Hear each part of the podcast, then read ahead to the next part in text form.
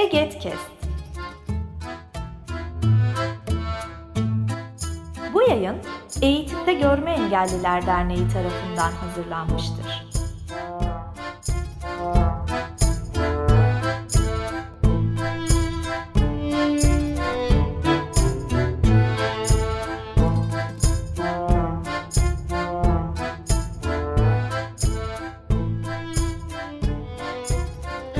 Merhabalar değerli Getkes dinleyicileri. Çözüm Zamanı serimizin 9. programıyla sizlerle beraberiz. Ben Emre Taşkın. Programımızı yine her zamanki gibi Bayram Şahin Aydın'la beraber yürüteceğiz. Bayram merhaba. Merhaba Emre. Evet, deprem konuşmaya devam edeceğiz. 6 Şubat tarihinde yaşanan ve ülkemizin bir bölgesini doğrudan ama genelini dolaylı olarak etkileyen bir deprem sürecinden bahsediyoruz. İlk yayınımızda depremden sonraki ilk yayında konunun sosyolojik boyutunu ele almıştık. Şimdi biraz daha sahadan, farklı sivil toplum örgütlerinden ne gibi veriler alıyoruz ve onlara nasıl katkı sağlayabiliyoruz? Bununla ilgili değerlendirme yapmak üzere Deniz Yazgan Şenay aramızda. E, merhaba Deniz Hanım. Merhabalar. Bugün beni davet ettiğiniz için çok teşekkür ediyorum. İyi yayınlar diliyorum. Biz teşekkür ediyoruz katıldığınız için. Öncelikle kendinizi tanıtabilir misiniz? Tabii ben avukat Deniz Yazgan Şenay, İstanbul Barosu'na bağlı olarak mesleğimi sürdürüyorum. Ee, İstanbul Barosu Engelli Hakları Merkezi'nde bu dönem genel sekreterlik görevini üstlendim. Ceviz Otizm Araştırmaları ve Toplumsal Savunma Derneği isimli otistik kişiyi tehdit etmeden, suçlu kabul etmeden ve engellinin kendisini failleştirmeden bir sosyal devlet algısının nasıl düşleneceğini tartıştığımız derneğimizin bu dönem yönetim kurulu başkanlığı görevini sürdürüyorum. Aynı zamanda e, hepimizin de e, bahsettiği bugünlerde başka hiçbir şey konuşamadığımız, zihnimizde başka hiçbir yere yer kalmayan 6 Şubat depremlerinin ardından Afet Otizm Dayanışma Ağı'nın kurucularından bir tanesiyim ve derneğimizde e, çözüm ortaklarından bir tanesi. E, genellikle mesleğimi engelli hakları savunuculuğu üzerine devam ettiriyorum. Doktoramı da bu alanda yapmak için çalışmalarımı sürdürüyorum. Şimdi siz de az önce bahsettiniz. Farklı sivil toplum örgütlerinde çeşitli görevleriniz var ve bu bizim ülkenin her tarafından, alandan insanlarla tanışmamıza vesile oluyor. Ağlar Hı-hı. oluşturmamıza e, katkı sağlıyor. 6 Şubat sabahına e, dönecek olursak deprem gece saatlerinde oldu. Hı-hı. Biz bir şekilde öğrendik sabah saatlerinde. Herkesin öğrenme saati farklı. Evet. Ee, belki yakınlarımız nedeniyle öğrendik. Belki sabah uyandığımızda öğrendik. Ve olayın vehametini anladıktan sonra bunun sivil toplum eliyle konuya müdahale edilmesi gerektiği kanısına varmamız da bence biraz zaman aldı üzerimizdeki şoku atlatmamız ve e, etraftaki yakınlarımızı aradıktan sonra gibi geliyor. Siz bu konuyla ilgili ne düşünüyorsunuz?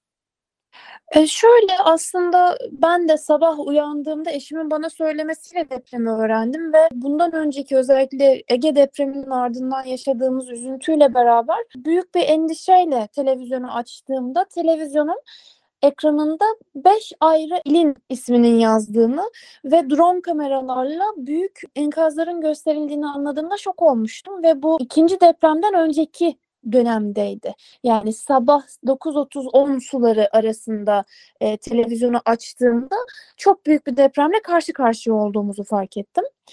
E, pandemi döneminde doğal afet ve salgın döneminde otizm çalışmaları bağlamında yaptığım çalışmalar hemen aklıma geldi. E, bu dönemdeki e, çalışmalarımız aklıma geldi ve otistik depremzede ve engelli depremzedeler için öngörülmüş ne var? Öngörülmemişleri tedarik etmek için, öngörülebilir hale getirmek için ne yapmamız gerekiyor diye hemen düşünmeye başladım ve arkadaşlarımla zaten aynı endişeyle bir araya geldim. Aynı kaygıda buluştuk değerli çalışma arkadaşlarımla. Bunlardan bir tanesi e, bizim merkezimizin, Engelli Hakları Merkezimizin sözcüsü Hüseyin Marol'dur neler yapmamız gerektiğini çalıştığımız zamana denk düşüyor ikinci depremin oluşu ve çok daha büyük bir kaosa, çok daha büyük bir acıya bürünmemiz. Biz bu çalışmaları yaparken İstanbul Barosu Engelli Hakları Merkezi'ne gelen sorulara yanıt vererek başlamak istedik. Hem e, aramızda özneler olduğu için engelli haklarını özne sıfatıyla e, savunan arkadaşlarla bir arada olduğumuz için bir engelli o dönemde ne yaşarı düşünmekle beraber depremzedelerin yani farklı açıdan öznelerin bizlere yakınları için sorduğu sorulara yanıt vermek istedik. İkinci depremin oluşunun ardından insanlar bize aslına bakarsak depremzede kişiler bize e, artçıların olacağı söyleniyor. Nasıl hazırlanmalıyız sorusunu sordular. E, ve biz de bu yüzden afete yaklaşım bağlamında afet öncesinde, esnasında ve sonrasında engelli depremzedeler için ne yapabiliriz diye bir yayını hemen depremin e, yaklaşık 15. saatinde hazır ettik.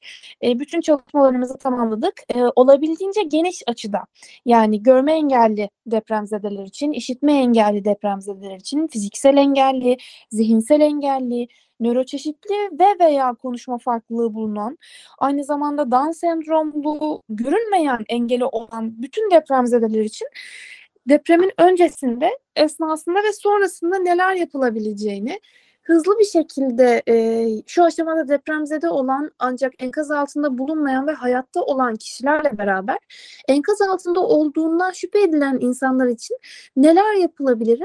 Kısa bir bilgi selinde toparlamaya çalıştık ve şunu söyleyebilirim. Gururla söyleyeceğim bunu. Tabii ki depremle alakası yok bunun ama bizim bu metnimizin birden fazla afet birlikteliğinin, afet inisiyatifinin de e, tetikleyicisi olduğunu söyleyebilirim. Bu metnin yayınlanmasının ardından, aa evet fiziksel engelli depremzedeler için şunlar lazımmış, o zaman bunları sağlayalım diyen e, birçok kişi oldu. Aa nöroşeşitli insanlar için, otistik insanlar için şunların sağlanması gerekiyor dendi ve afet otizm dayanışma ağının da belki de e, kurulmasına en büyük neden olan çalışmalardan biriydi. Bence en önemlisi e, değerli arkadaşlarımızın Merhaba Spektrum ekibinin hazırladığı iletişim panolarıydı. Yani kendini konuşarak ifade etmeyen depremzedeler için hazırlanan iletişim panolarıydı.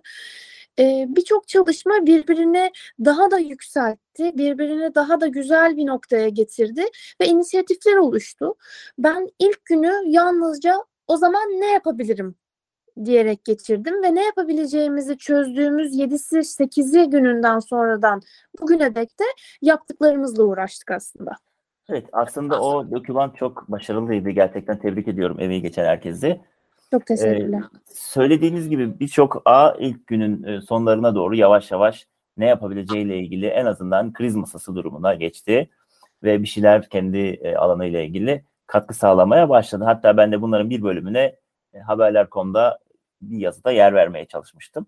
Bayram istersen biraz sahaya inelim. Yani sen bu konuda ne söylemek ve Deniz Hanım'a sormak istersen. Şimdi ben e, sevgili meslektaşımın anlatımından ilk günden itibaren aslında özellikle ikinci depremden sonra daha aktif bir çalışma dönemine başlandığını anlıyorum.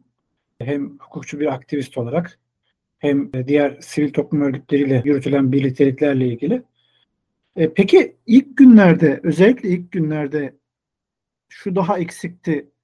Sonrasında aslında şunlarda yavaş yavaş toparlanma oldu dediğiniz şeyler var mı sevgili meslektaşım? Yani biraz böyle şey yaparsak, karşılaştırmalı mukayeseli giderecek olursak. Tabii. Hı, kesinlikle, kesinlikle meslektaşım. Sonra ne oldu? Ee, biz Ege depreminde de travma odaklı dayanışma zincirini kurduğumuz dönemde e, tabii şunu söylemek gerekiyor. Ege depreminde acıları asla e, kıyaslamak açısından söylemiyorum. Yalnızca kriz koordinasyon bağlamında söylüyorum. 17 e, adet yıkılmış ev vardı. Yanlış hatırlamıyorsam ya 17 ya 19'dur. Özür diliyorum sayıdaki farklılık için. 19 e, yıkılmış e, konut ile e, ve o konuttaki engelli depremzedelerle tanışmak, onların e, ihtiyaçlarını karşılamak süreciyle bu depremde yaşadığımız aynı değildi. E, tek bir şehirde olan örneğin engelli tuvaletinin gönderilmesi, beyaz bastonların gönderilmesi gibi süreçlerle biz bu depremdeki süreçleri biraz birbirine karıştırdık diye düşünüyorum açıkçası.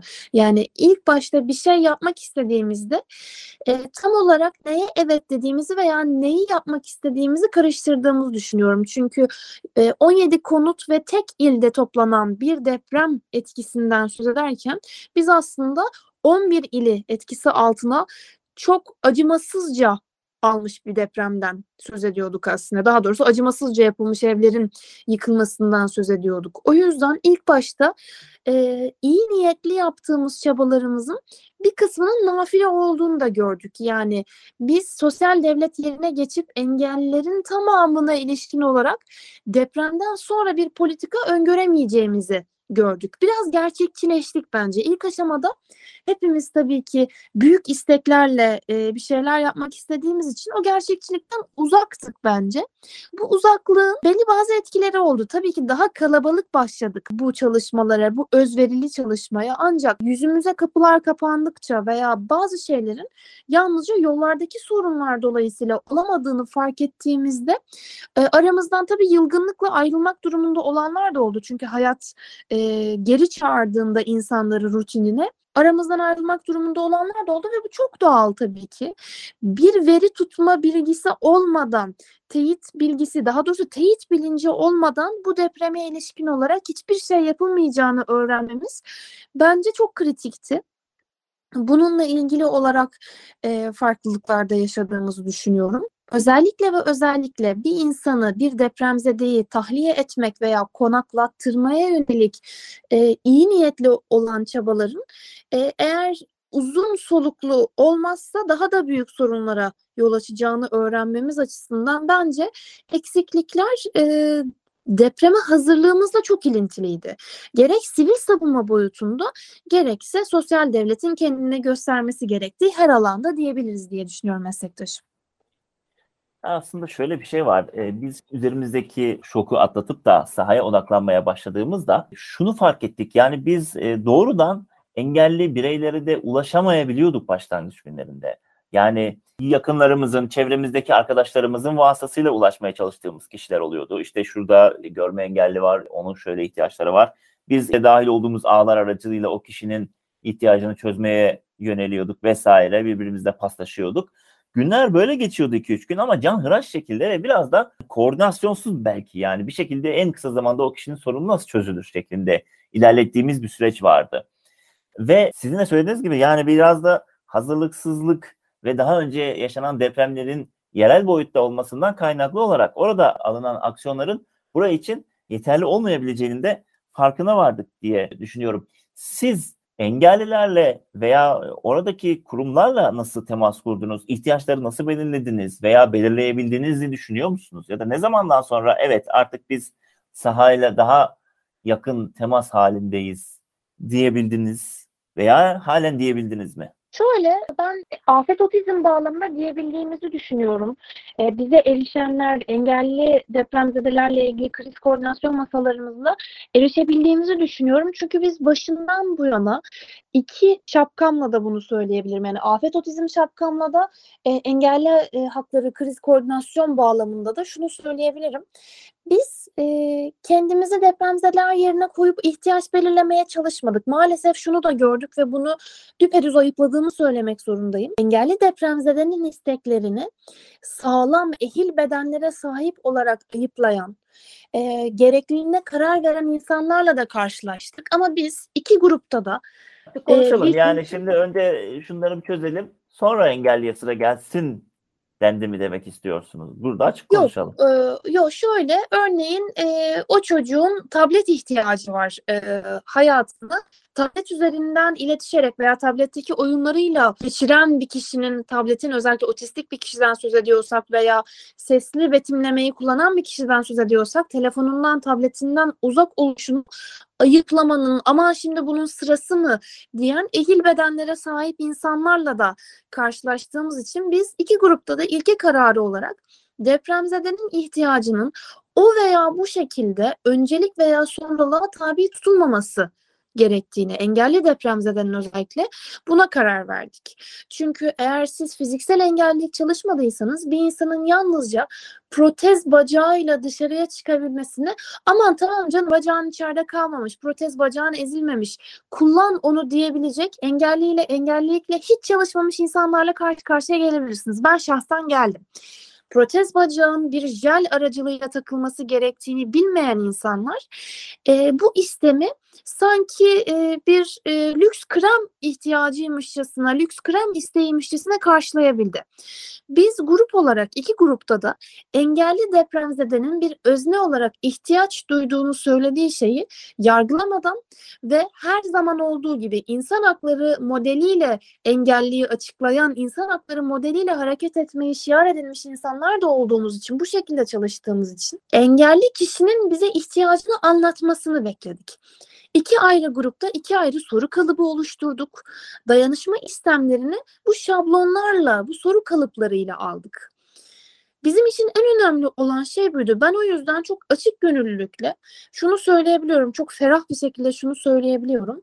Biz engelli kişinin ve yakınının ihtiyaçlarının hepsini onlardan duyduk ve bulabildiğimiz kadarını e, sahada erişebildiğimiz kadar insanla yapmaya çalıştık. Bizim için en enteresan hikayelerden bir tanesi şu oldu örneğin. Birden fazla kırılganlığın bir araya geldiği bir dosyamız olduğunda hiç beklemediğimiz şeyleri çok hızlıca bulabildik.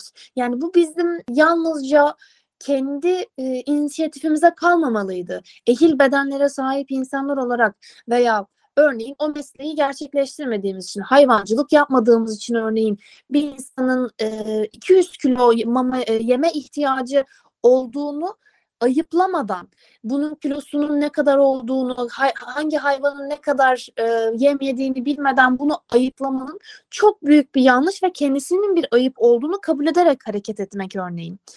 E, bir insanın işitme cihazı varken yedek pil isteyişinin bir ayıp olmadığını insanlara anlatarak örneğin devam ettik. O yüzden ben ihtiyaçları bu bağlamda belirleyebildiğimizi düşünüyorum. Çünkü biz engellerin yerine geçip ihtiyaç e, atamadık kimseye. Bu en önemlisiydi. Sahada maalesef bunları görüyoruz. Engellere sormadan engelli ihtiyacı öngörüsünde bulunmak e, Türkiye'deki engelliye bakış açısını zaten birebir açıklayan bir bakış açısı.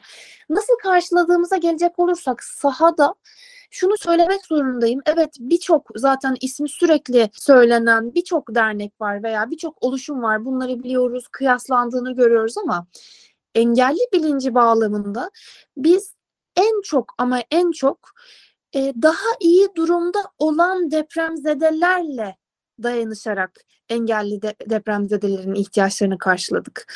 Örneğin enkaz altından hızlı çıkarılmış veya enkazdan değil kendisini dışarıya atarak deprem döneminde kurtulmuş insanlar gerek enkaz altından e, engelli olarak çıkarılmış yani ampute edilerekten tutunuz da sürekli başında inşaat araçları çalıştığı için kısmi veya tamamen duyma kaybı yaşayan engellilere yardımcı olan kişiler yine depremzedelerdi. Biz şunu da gördük engellilikle ilgili olan çalışmaların engelli odaklı olmadığı yani görme engelliler, işitme engelliler, e, zihinsel engelliler tarafından yönetilmediği yerlerde eksiklik olduğunu ve bununla beraber genel geçer hak savunuculuğu veya genel geçer yardım derneklerinde engelli algısının çok düşük olduğunu gördük. Engelli olan yardımın e, kafa karıştırdığını, tam da nasıl yapıldığının bilinmediğini gördük. O yüzden biz e, bölgedeki arkadaşlarımızla bölgede depremzede olmuş ve e, yaşamda olduğu için, sağlıklı olduğu için çok e, şükrederek e, aradığımız arkadaşlarımızdan bir anda ricacı olurken de bulduk kendimizi. Çünkü defalarca kez resmi kanalları denedikten sonra onlardan zamanında veya hiç yanıt alamadığımız için arkadaşlarımızdan rica ederken bulduk. Arkadaşlarımız genel e, yardım dağıtılan, ihtiyaç dağıtılan yerlere giderek e, kişilerin gereksinimlerini aldılar ve onlara götürdüler örneğin. Veya en önemlisi şuydu. Türk Eczacıları Birliği başta olmak üzere bölgede olmayan hekimlerimizin bizlere yönlendirmesi, eczacıların yönlendirmesi, meslek sahiplerinin afet algısı olan kişilerin e, bizi yönlendirmesi ve bizim de onları engelli depremzedelerin ihtiyaçlarına yönelik yönlendirmemizle, çift fazla bir yönlendirmeyle en büyük ihtiyaçlarımızı karşıladık. Çünkü engelliliğe ilişkin olarak çok çok az şey yapıldı ve biz bu yüzden İstanbul Barosu Engelli Hakları Merkezi olarak direkt olarak engelliye hizmet sunacağını taahhüt eden e, özel teşebbüsleri ve idareleri sıraladık örneğin. Bunlara da bizim Twitter adresimizden ulaşabilirsiniz. En büyük e, bence buradaki oksimoron şuydu. E, görme engellilerle ilgili bir şey yapacağını e, söyleyen, dayanışma içerisinde bulunacağını söyleyen insanlar görselleri açıklamıyordu. O yüzden İstanbul Barosu Engelli Hakları Merkezi olarak kendimize şöyle bir görev atadık, bir görev üstlendik. Tüm internetteki engellilerle ilgili, engelli depremzedelerle ilgili bilgileri aldık teyitledik, hepsini teker teker aradık. Gerçekten bu devam ediyor mu veya gerçekten bu ıı, desteği, dayanışmayı sunuyorlar mı diye kendileriyle görüştük. Bunları teyit ettik. Ardından bu bilgileri e, kirli bilgiden arındırdıktan sonra erişilebilir hale getirdik ve Twitter adresimizde zincir olarak yayınladık. Böyle eksiklerimiz de vardı ve bunları da bu şekilde tamamladık. Bunları söyleyebilirim şimdilik. Evet, şimdi engellilik bilincinin yetersizliğine zaten biz ilk yayınlarımızdan itibaren hep dikkat çektik. Ve engellerle ilgili karar alma süreçlerinde engellerin yer alması gerektiğini, karar alma mekanizmalarına engellerin dahil edilmesi gerektiğini de e, zaten dernek mevzuatımızda ve e, çok çeşitli açıklamalarımızda defalarca ifade ettik. Bence bu anlamda bu depremde yaşananlar da aslında e, bu süreçlerde engellerin yer alması gerektiğini ve engellik bilincinin gelişmesi gerektiğini çok açık bir şekilde ortaya koyuyor. Sizin anlatımlarınızdan ben bunu çok rahat bir şekilde anlıyorum. Tabi sahada başka eksiklikler de olmuş anladığım kadarıyla. Yani aslında resmi kurumların engellik verisi tutuyor olması gerekir. Yani hangi engelli bireyin ya da hangi grup engellinin nerede, hangi binada, hangi adreste yaşadığının aslında belki de sizlerle paylaşılması gerekiyordu. Öyle değil mi? Belki öyle olsa biraz e, tırnak içinde söylemek gerekirse el yordamıyla birilerinin aracılığıyla engellere ulaşmaktansa belki direkt ulaşma şansınız da olabilirdi. Belki kriz koordinasyonda olduğumuz için bizimle olmasa da yani uzaktan koordine etme aşamasında ve e, bölümünde olduğumuz için biz böyle bizimle bu bilgilerin paylaşılmasına gerek olmasa da sahadaki kişilerle bunların paylaşılması gerçekten hayat kurtarabilirdi. Çünkü maalesef şunu söylemek gerekiyor. Bunları haberlerde de izlediğimiz için bu benim ortaya attığım bir şey değil. Bunları biliyoruz. E, Birçok işitme engelli depremzede hayatını kaybetti. Kurtarılamadı. Çünkü böyle bir bilinç yoktu. Buna ilişkin olarak bir kurtarma prosedürü yoktu.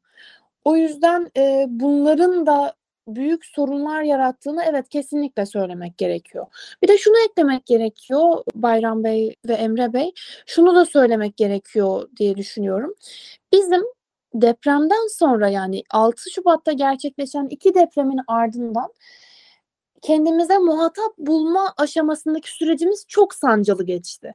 Muhatap bulduktan sonra bir engellinin ihtiyacına ilişkin olarak sahadaki bu kritik ve akut çalışmadan sonra adeta e, bir insanın yüzüne çarpmış gibi gelen gerçeklerin ardından çok hızlıca engelli gereksinimi bilincine sahip olmuş arkadaşlarımız maalesef çok yoruldukları için, çok büyük çabalarla çalıştıkları için ki kendilerine ömrümüz boyunca minnettar kalacağız. Bu çalışmaların ardından onlar sahadan çekildiler ve yeni bir ekip yeni ekipler sahaya sürüldü. Tabii ki insan dirayeti de bunu gerektirdi. İki hafta boyunca enkazda çalışmasını bekleyemeyiz insanların durmaksızın, doğru yerlerde e, uyumaksızın, duş alamaksızın bu şekilde olacağını söyleyemeyiz ancak yeni gelen arkadaşlarımızla da çok uzun bir süre ikinci haftanın ardından Hatay'daki iki depremin ardından diyelim hatta bu sürece yeni süreçte yeni arkadaşlarımızın da engelli bilinci kazanması, engellinin gereksinimini karşılamanın biraz daha meşakkatli olduğunu bilmesi ve bundan caymadan devam etmesi, yılmadan, moralini bozmadan devam etmesi süreci de en az 3-4 gün aldı. Bizim hızlı çözüm bulabildiğimiz konularda geriye düştüğümüzü gördük iki haftanın sonunda yeni insan geldiğinde. Bunların çok çok önemli olduğunu düşünüyorum. Eğer genel geçer ve gerçek bir engelli depremzede bilinci, engelli arama kurtarma bilinci gelişmiş olsaydı bu iletişim zorluklarını da yaşamazdık diye düşünüyorum. Aslında birçok kurumun afete birçok bakımdan hazır olmadığını net olarak tecrübe etmiş olduk geride bıraktığımız süreçte. Bunlar arasında tabii ki engellilik bağlamı da vardı. Biz de sivil toplum örgütleri olarak çok fazla hazır olduğumuzdan emin değilim açıkçası. Biz de e, deneyimledik bazı şeyleri veya fark ettik ve ekiplerimiz tabii ki e, elinden geldiğince katkı sağlamaya çalıştı. Biz de uzaktan çoğunlukla sürece dahil olmaya çalıştık. Artık şunu da söylemek gerekiyor herhalde. Engelliler olarak bireysel bazda bizim afet durumlarında ne yapabileceğimize ilişkin kendimizi de geliştirmemiz gerekiyor. Sivil toplum örgütleri önce bireysel olarak yani bir deprem olduğunda nasıl davranmamız gerekiyor? Ne yapmamız gerekiyor? Bunlarla ilgili işte bir takım bilgiler geliyor kulağımıza alıyoruz eğitimleri ama bunları uygulamalı olarak da bilmemiz gerekiyor. Bunu fark ediyorum ben ve bunun farklı engel grupları tarafından da içselleştirilebiliyor ve bu tür eğitimlerin onlara da uyarlanabiliyor olması gerektiğini düşünüyorum. Ve devamında da sivil toplum örgütleri olarak artık afet konusunu gündemimizde tutmamız gerektiği ortada. Ve içerisinde bulunduğumuz yüzyılda çok farklı e, doğa olaylarının felakete yol açtığını ve açma ihtimali olduğunu da göz önünde bulundurarak alternatif senaryolar üzerinde de çalışmamız gerekiyor diye düşünüyorum. Benim yavaş yavaş programımızın sonuna yaklaştığımızda e, söyleyebileceğim şeyler bunlar. Bayram sen ne demek istersin son olarak? Gerçekten bu süreç aslında bir yönüyle öğretici de oldu. Hem kurumlar açısından hem sen de belirttiğin gibi sivil toplum kuruluşları açısından hem aktivistler açısından bireysel anlamda da öyle. Tabii afetler yalnızca depremlerle de sınırlı değil. İşte iklim krizi var, yangınlar var, işte sel baskını oluyor. Birçok konu var ve çok geniş coğrafyaları etkileyebilen süreçler bunlar. E, bu sebeple e, şu ana kadar olduğundan çok daha e, büyük bir hız vermek gerekiyor bu eğitim ve gelişim çalışmalarına diye düşünüyorum. Bilinçlenmek çok önemli. Bir önce Deniz Hanım'ın ifade ettiği gibi insan hakları modeliyle bütün insanlara ve bütün insanlar içerisinde yer alan engelli gruplarına yaklaşmak, işte hiçbirinin ihtiyacını diğerine tercih etmemek, bu bilince ulaşmak gerçekten çok önemli. Bunun için de tabii eğitim ve farkındalık gerekiyor belki şunu ekleyebilirim. Ee, tabii ki bireysel çabalar ve sivil toplum örgütlerinin çalışmalarının çok değerli olduğunu biliyoruz ama bunları biz yapayalnızca yapamayız. Yani özellikle sosyal bilimler çerçevesinde gelişen insan hakları modeliyle afete hazırlığın eksik kalacağı düşüncesindeyim. Burada bizim mutlaka ve mutlaka yanımızda olması gereken mimarlar, mühendisler, şehir planlamacıları da var. Biz bunları tek başımıza yapamayacağımız için genel bir örgütlenmenin kamu kurumu niteliğindeki meslek kuruluşlarıyla yani TMOP'la, makine mühendisleriyle bu süreci beraberce geçirmemiz gerektiğini düşünüyorum. O yüzden eğer afetle ilgili bir e, bilinç kazanma süreci olacaksa bu süreç bence mutlaka ve mutlaka bireysel çabalardan önce yıkılmayacak evlerin yapımının taahhüdü ve tahliye sürecinin tartışılmasıyla ilgili bir şey.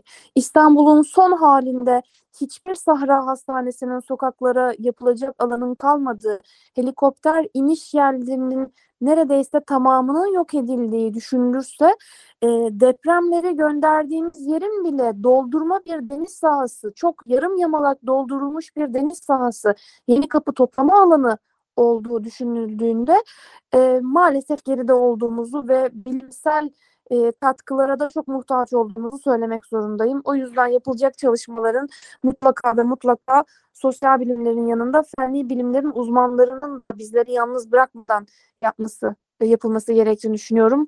KMOP, mühendisler ve e, bu konuyla ilgilenen e, uzmanlar göreve demek zorundayım ben.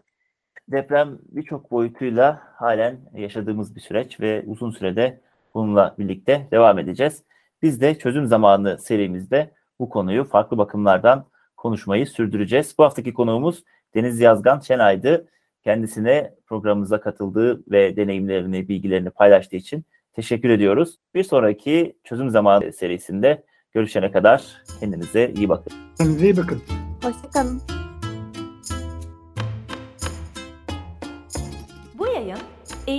Görme Engelliler Derneği tarafından hazırlanmıştır.